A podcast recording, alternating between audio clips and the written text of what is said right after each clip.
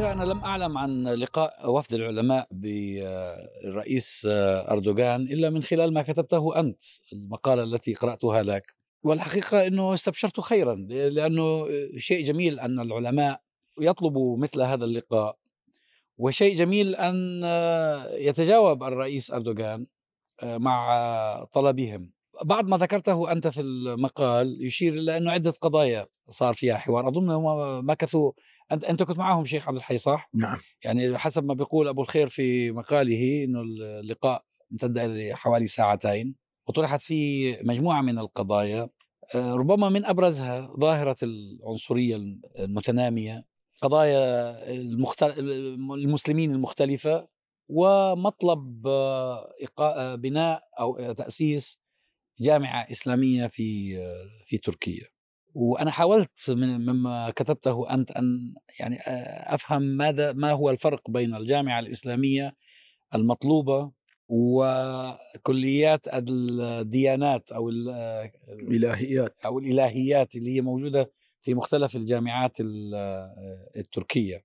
لكن أن يحدث أن يحصل هذا اللقاء وخاصة خضم الجدل حول المواقف الشعبية تجاه العرب أرى ذلك إيجابيا جدا. في الحقيقة اللقاء بحد ذاته مهم وأنا في البداية بدي أشير إلى ظاهرة. هذه الظاهرة تجدها على وسائل التواصل الاجتماعي عند كثير من الشباب أنهم عندما تقع مشكلة نازلة تحتاج إلى أن يتصدر لها العلماء يبدأون مباشرة بالتساؤل أين هم العلماء؟ لماذا لا يتحرك العلماء؟ لماذا لا يفعل العلماء شيء؟ فإذا تقدم العلماء وذهبوا والتقوا بصاحب القرار سواء كان حاكما أو مسؤولا تحول هؤلاء الشباب من التساؤل إلى الهجوم. إن هذا اللقاء هو نوع من أنواع التجميل الصورة نوع من أنواع يعني التقرب والتزلف للحاكم وما إلى ذلك. هذه الطريقة هي طريقة فيها كثير من العدمية التي تكون انتقادا قبل الفعل لعدم حدوثه ثم تصبح تسفيها للفعل الذي تمت المطالبة به بعد حدوثه. أعتقد أن مطالبة الشباب وشرائح الناس العلماء أن يقوموا بدورهم في الوصول إلى أصحاب القرار ونصحهم وتقديم المطالب التي يطلبها المسلمون أمر مهم وضروري وهو جزء من واجبات العلماء في تبليغ الرسالة وحمل الأمانة. ثم بعد ذلك مطالبة العلماء بأن يتم تطبيق هذه القرارات هذا لا لا لا يملكه العلماء في النهاية. أنا أعتقد أن مهمة العلماء هي أن ينصحوا، أن يلتقوا، أن يقدموا مطالبهم، فنحن بحاجة إلى أن يكون هناك توازن، أن يكون هناك رشد حقيقي في الخطاب الذي أستاذ أبو الخير هو يلحق بالعلماء أقول لك هو الناس تتوجس عاده من لقاء العلماء بالسلطان بسبب التجارب. صحيح. وخاصة في أزمنة السلطان فيها مهيمن ومتغول على العلماء وما يمثله العلماء. فضروري برضو العلماء أن يكون لديهم حرص على ألا تكون مثل هذه اللقاءات بثمن من استقلاليتهم وكرامتهم. تماما. مما يعني أنا أريد أن أقول تحديدا عن هذا اللقاء الأخير مما ينبغي أن يبعث طمأنينة في نفوس الناس أن هؤلاء العلماء الذين ذهبوا لهذا اللقاء أصلا هم علماء أخرجوا من دي في, عمومهم هم علماء أخرجوا من ديارهم ضحوا باستقرارهم و بيوتهم ومناصبهم ومناصبهم وأماكنهم حتى لا يخضعوا للسلطان في بلدانهم. فلو أن عندهم إمكانية للخضوع للسلطان لخضعوا للسلطان في في بلادهم وحققوا مكاسب ومزايا ولم يعيشوا هذا التشرد وهذه الغربة. فأن يكون هؤلاء هم الذين يلتقون بأي حاكم يجب أن يجعلنا لا نتصور ولا نحسب ولا نقيس هذه اللقاءات على أي لقاءات أخرى تجري في البلدان المضطهدة أو التي تعاني من الاستبداد. نعم هو أيضا القضية لو نظرنا إليها من ناحية يعني شرعية والعلماء في النهاية ينطلقون من منطلقات شرعية ليس من منطلقات إرضاء يعني الرأي العام في فيما يحب أو فيما يكره. ونحن نعرف بأن النبي صلى الله عليه وسلم قال خيار أئمتكم الذين تحبونهم ويحبونكم وتصلون عليهم ويصلون عليكم. وشرار أئمتكم الذين تبغضونهم ويبغضونكم وتلعنونهم ويلعنونكم. فالعلاقة في العالم الإسلامي عموما هي من النوع الثاني بأن هناك نوع من البغضاء واللعنة المتبادلة والتوجس بين الطوائف الشعب عموما بما فيهم يعني العلماء وبين أصحاب السلطان أو أصحاب القرار. ثم من ناحية أخرى الشريعة تفرق يعني بين نوعين بين الحاكم الظالم المتعدي وكما سماهم الزمخشري لصوص متغلبة وبين الحاكم العادل كيفما كان. لذلك النبي صلى الله عليه وسلم قال سيكون أمراء يعني من بعدي يقولون ما لا يفعلون يفعلون ما لا يؤمرون. فمن صدقهم بظلمهم فمن صدقهم بكذبهم وأعانهم على ظلمهم فليس مني ولست منه ولن يرد علي الحوض يوم القيامة. ومن غشي أبوابهم أو لم يغشها فلم يصدقهم بكذبهم ولم يعنهم على ظلمهم فهو مني وأنا منه وسيرد علي الحوض يوم القيامة. يا سلام يعني حتى لو كان هذا الحاكم فيه ظلم أو فيه كذا أنت ما ذهبت من أجل أن يعني تعينه على ظلمه ولا أن تزين له منكراته ولا أن تصدقه بكذبه فأنت مأجور. ولذلك نقول بأن الذي لا يختلف عليه اثنان يعني من المنصفين بأن تركيا الآن صارت ملاذا ومثابة للناس وأمنا وكثيرون ممن عانوا ظلما أو تضييقا أو آه، عنة في بلادهم. صاروا يعني يجدون في هذه البلاد ملاذا يعني آمنا ولذلك كان هذا اللقاء بطلب من العلماء وكان يعني الواسطة في ذلك هو الدكتور محمد قرمز. جزاه الله خير الذي كان رئيسا للديانة في في هذه البلاد وهو محل يعني ثقة وتقدير من القيادة التركية. وبعد ذلك هذا الوفد ما كان يمثل يعني جماعة معينة ولا طيفا بلون خاص وإنما فيه الشيوخ والشباب وفيه من جماعات مختلفة ومن مدارس يعني متعددة.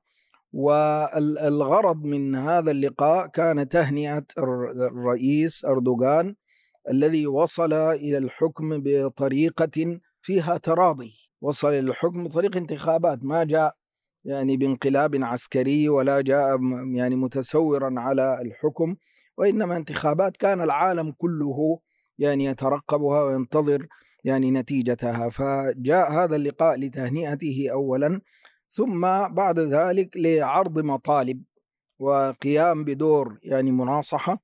ولذلك بدأ اللقاء بكلمتين كلمة من دكتور عصام البشير باسم ال ال ال ال الوفد باسم ال الوفد الذي جاء وكلمة مكتوبة وقد قرأت علينا قبل أن آه، تلقى أمام الرئيس ثم كان هناك كلمة من الشيخ الدكتور علي القرداغي الأمين العام للاتحاد العالمي لعلماء المسلمين كانت كلمة باسم الاتحاد وكان فيها مطالب يعني معينة بعد الديباجة المعهودة. من هذه المطالب مثلا إنشاء جامعة إسلامية تقنية آه، تسد مسد الجامعات الإسلامية التي تراجع يعني دورها وخفت ضوءها كالأزهر الشريف والزيتونه والقرويين وغيرها من الجامعات. والجامعة الإسلامية في المدينة المنورة. والجامعة الإسلامية في المدينة المنورة وما إلى ذلك. أيضا كان من المطالب بأن كثيرا من الناس قد تأذوا من الإجراءات يعني الأخيرة وبانه كان هناك نوع من التعسف في استعمال الحق. وبالمناسبة الرئيس هو الذي بدأ بكلمة بكلمة مكتوبة. وكان فيها كثير من ال ال ال ال الأجوبة عن عن عن الأشياء التي ستطرح. وكأنه استشف ما يريد الناس يعني قوله. ما هو عادة في هذه المناسبات الرئيس يقدم له تصور. صحيح. لأنه هو جاي له وفد أي ما يأتي خالي الذهن طبعا آه فيقال له بأن من هو الوفد وممن يتكون وما الذي يريده فيجهز نفسه بروتوكوليا. يعني على. وكان أمامه يعني ورقة فيها أسماء يعني أعضاء الوفد ووظائفهم وما إلى ذلك.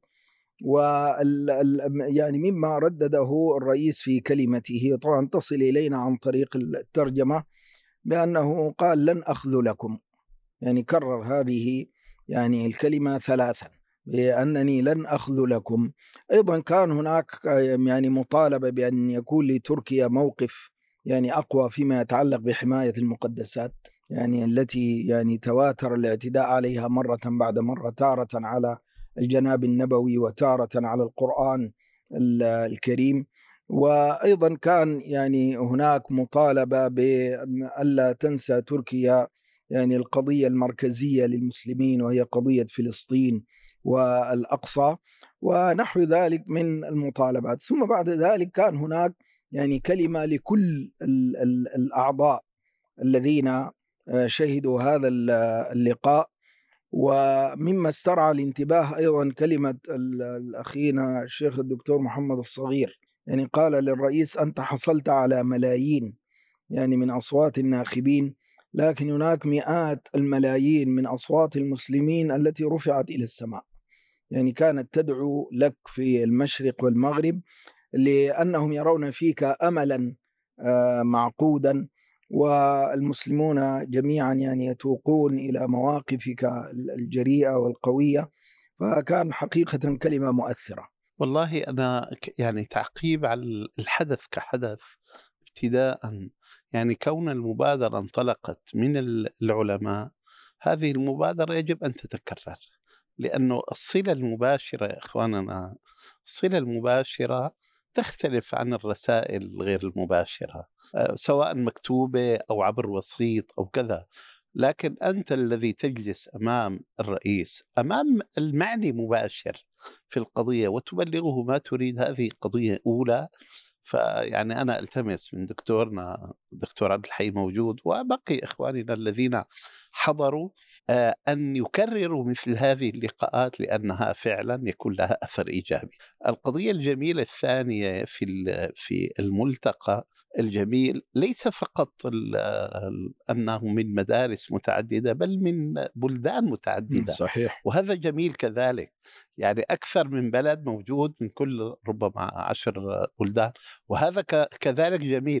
آه، وإشارته هذه أن مثلا موجود من اليمن السودان اليوم في مشكلة. آه، سوريا في مشكلة بعض الدول آه، القضية الفلسطينية حاضرة بشكل كبير فكل هذه الملفات الساخنة يأتي رجال من من وسط الأزمة يجلسون مع دولة مثل تركيا ورئيسها.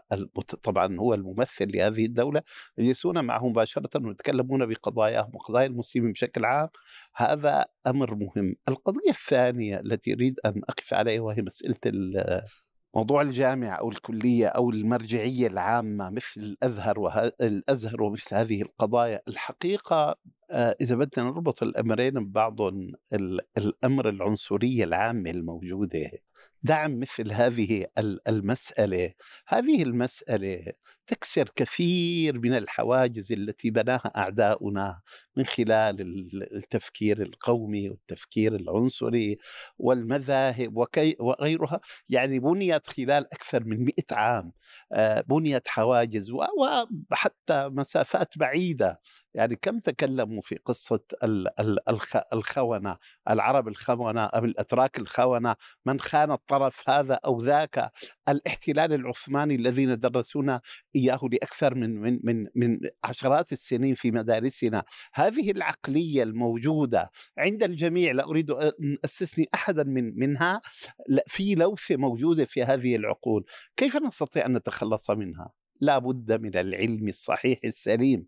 مرجعية كبيرة مرجعية شرعية علمية كبيرة آه، يكون مدرسوها هم بالأصل مرجعيات للأمة الإسلامية. امثال الدكتور عبد الحي امثال مثلا عزام التميمي يتكلم في الإعلام عصام البشير يتكلم في قضايا. هذه المرجعيات هي ال ال التي ستلقن الأجيال معلومات صحيحة سليمة بعيدة عن يد الاستعمار التي كتبت تاريخنا وكتبت حتى شوهت شعائرنا بطرائق معينة. فكلا الأمرين معا مرتبطين مع بعضهما يكون لهذه الزيارة مع تكرارها يكون لها أثر عظيم. وأسأل الله تعالى أن يجعل آه هذا الطلب واقعا آه ونبدأ بتنفيذه بخطوات عملية ويتشارك. طبعا طلب من الرئيس وأنا هذا ألتمسه الآن من شيخنا الدكتور عبد الحي طلب من الرئيس الرئيس ممكن أن يقول أوكي لكن الباقي بعده علينا عمل طويل لمثل هذه المسائل يحتاج إلى الكثير الكثير حتى لا تكون المسألة آه، قزم نريده شيئا شامخا عظيما بيطلع لنا مسخ صغير لا. يحتاج إلى تفكير عميق يحتاج إلى استراتيجية بعيدة المدى يحتاج إلى كتابة يحتاج إلى تعاضد كبير. وبعدها نقدم هذه الورقة بين يدي الرئيس ليقول لك جزيت خيرا على هذه الدراسة المستفيضة والبصمات الإيجابية من كل الجهات التي حضرت وأسأل الله تعالى أن يوفقكم مما, مما يميز اللقاء أنه صور لنا مفهوم الأمة الواحدة. آه، عادة اللقاءات بين حاكم بلدة أو مسؤول في دولة وبين العلماء تكون إما مع علماء هذه الدولة أو علماء دولة معينة لكن العلماء الذين التقوا مع الرئيس التركي هم علماء من جميع الجنسيات وهم علماء من جميع التوجهات. وهنا نقطة مهمة أن القضايا التي طرحت لم يطرح كل عالم قضية بلده فكان المشهد أن قضية أي بلد مسلم هي قضية جميع العلماء. فالذين طرحوا قضية التعامل مع المهجرين والترحيل ليس علماء سوريا فحسب بل كل العلماء الموجودين صحيح في هذا صحيح والذين تحدثوا في عن القدس والمسجد الأقصى ليسوا علماء فلسطين بل إنما كل العلماء الموجودين تحدثوا في هذه القضية. هذا فيه ترسيخ لكسر آه، هيمنة حواجز سايكس بيكو التي يراد لها أن تترسخ فيما بيننا إنه الاعتبار أن كل قضية من قضايا المسلمين هي قضية جميع علماء الأمة وهذا ما تجسد في هذا اللقاء هذا أمر مهم جدا. الأمر الثاني آه، أريد أن أعلق على فكرة الجامعة الإسلامية لأنه أنا شفت في وسائل إعلام كثيرة تمت مهاجمة الفكرة العربية سكاي نيوز عدد من القنوات وبدأوا يهاجموا. هؤلاء يهاجمون كل خير. تماما هؤلاء بدأوا ذلك ديدنهم. آه. يكرهون الطهر. الفكرة أن هذا المهاجمة بدأت تقوم على فكرة التهييج أن هذه الفكرة إنما تأتي للقضاء على آه، أجسام كبيرة قائمة كالأزهار أو الجامعة الإسلامية. هذا نوع من العبث ونوع من التدليس. في الحقيقة فكرة الجامعة الإسلامية التي طرحت لا يراد منها على الإطلاق أن تكون بديلا عن أحد. لا يراد منها على الإطلاق أن تكون لا بديل عن الأزهر ولا بديل عن القيروان ولا بديل عن الجامعة الإسلامية. لكن الذي يجري أن الظروف طبعا وصاحب الفكرة هناك أيضا من قرأت أنه العلماء العرب يعني يطرحون قضايا حالمة في تركيا. صاحب الفكرة ليس العلماء العرب ابتداء صاحب الفكرة هو البروفيسور محمد قرماز الذي كان رئيس الشؤون الدينية لسنوات طويلة جدا في تركيا وهو الأعلم بوضع تركيا وهو من أعلم الناس بحال تركيا وأن هذه الفكرة تصلح فيها أو لا تصلح فيها. وهذه الفكرة من سنوات وأنا أسمعها تتردد في أروقة العلماء وهو يطرحها بينهم. حتى إذا تبناها العلماء طرحوها جميعا بين يدي هو آه، تأكيدا للكلام ده أستاذ محمد قضية القطرية هذه بأنه حتى بالنسبة لتركيا يعني كان هناك توصية بأن يكون يعني ثمة عناية بالجانب التزكوي التربوي في المشروع التركي النهضوي.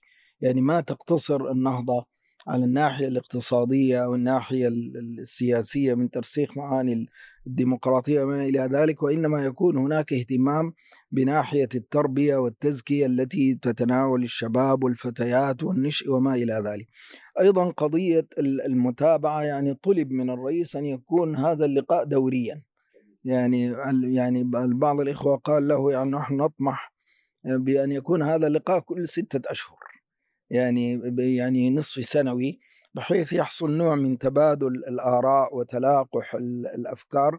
ولا شك أن القيادة ليست يعني بغنى يعني عن أفكار أهل العلم كما أن العلماء ليسوا بغنى عن السلطان بل لابد أن يتعاون الطرفان من أجل مصلحة الجميع. قضية القطيعة بين العلماء والسلطان هذه متصورة فيما لو كان يعني كما ذكرت في البداية بأن بأنك تبرر يعني تكون من أصحاب العمائم الذين يبررون أو الذين يزورون أو الذين يلوون أعناق النصوص من أجل أن توافق واقعا معينا أو هوى متبعا. أما إذا ذهبت ناصحا ومذكرا ومشجعا على الخير حتى لو أثنيت بالخير الموجود ما يتناولك شيء من الذنب. أنا آه، ربما أنظر إلى هذه القضية من زاوية مختلفة نوعا ما.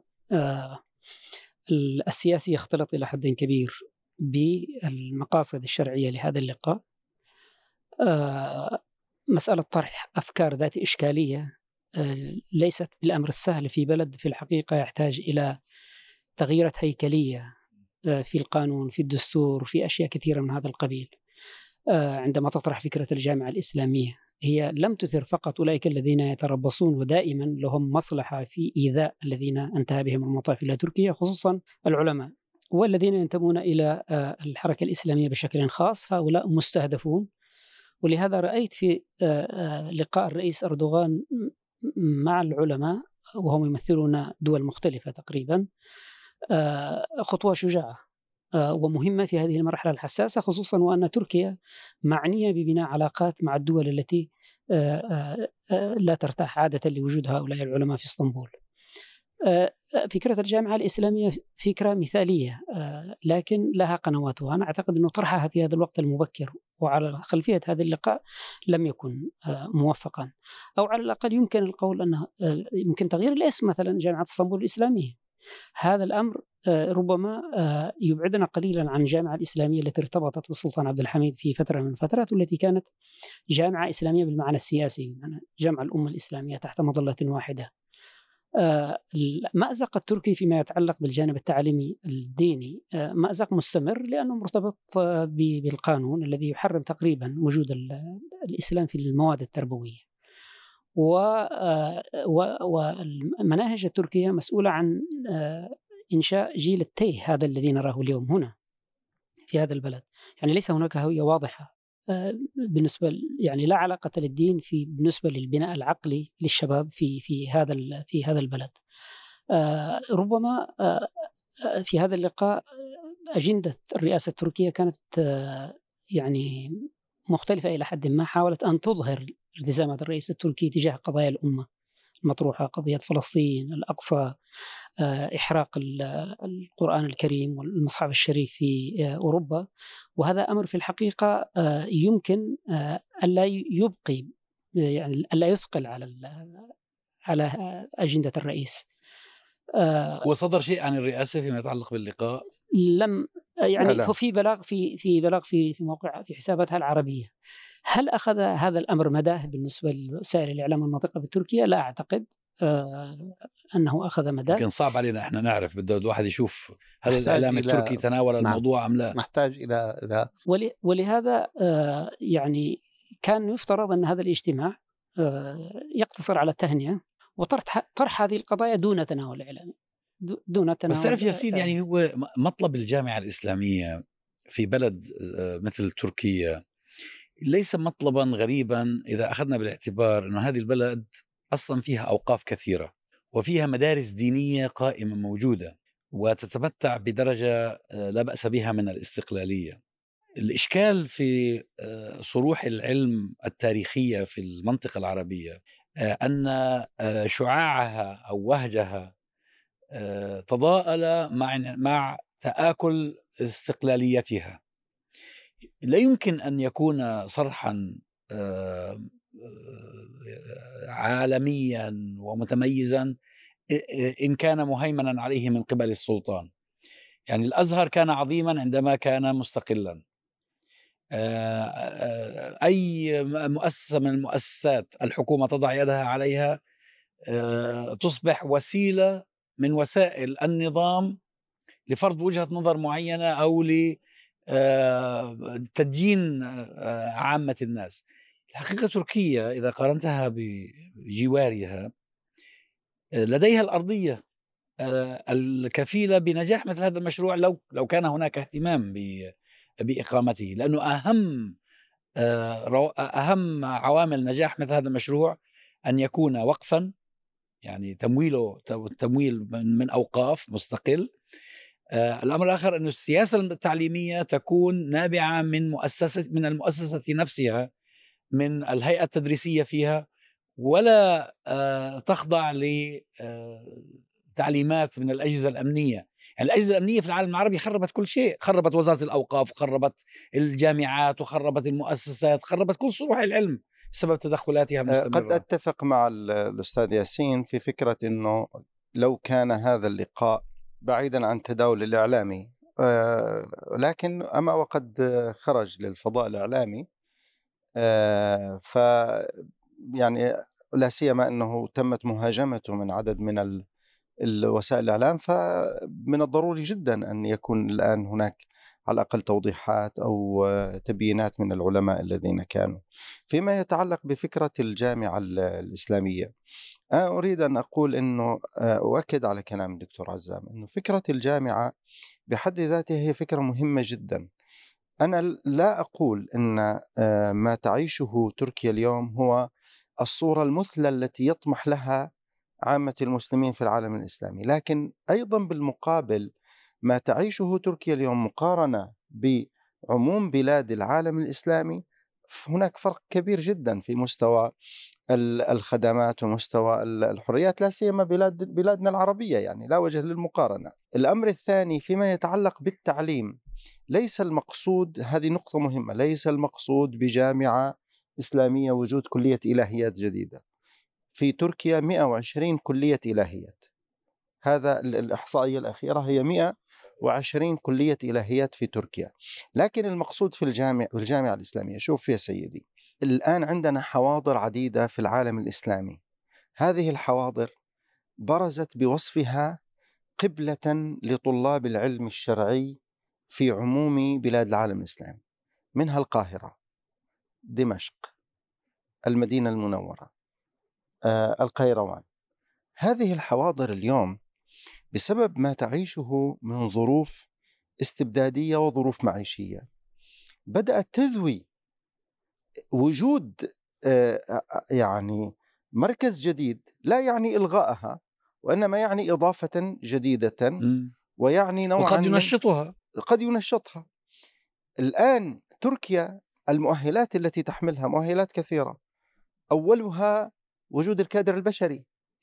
اليوم في تركيا لا أحد يستطيع أن ينكر أن خيار العلماء في العالم الإسلامي من كل الجنسيات موجودون في تركيا وليس فقط علماء الشريعة وإنما علماء الشريعة التخصصات؟ وعلماء العلوم الإنسانية والاجتماعية والإعلامية والاقتصادية كل هؤلاء.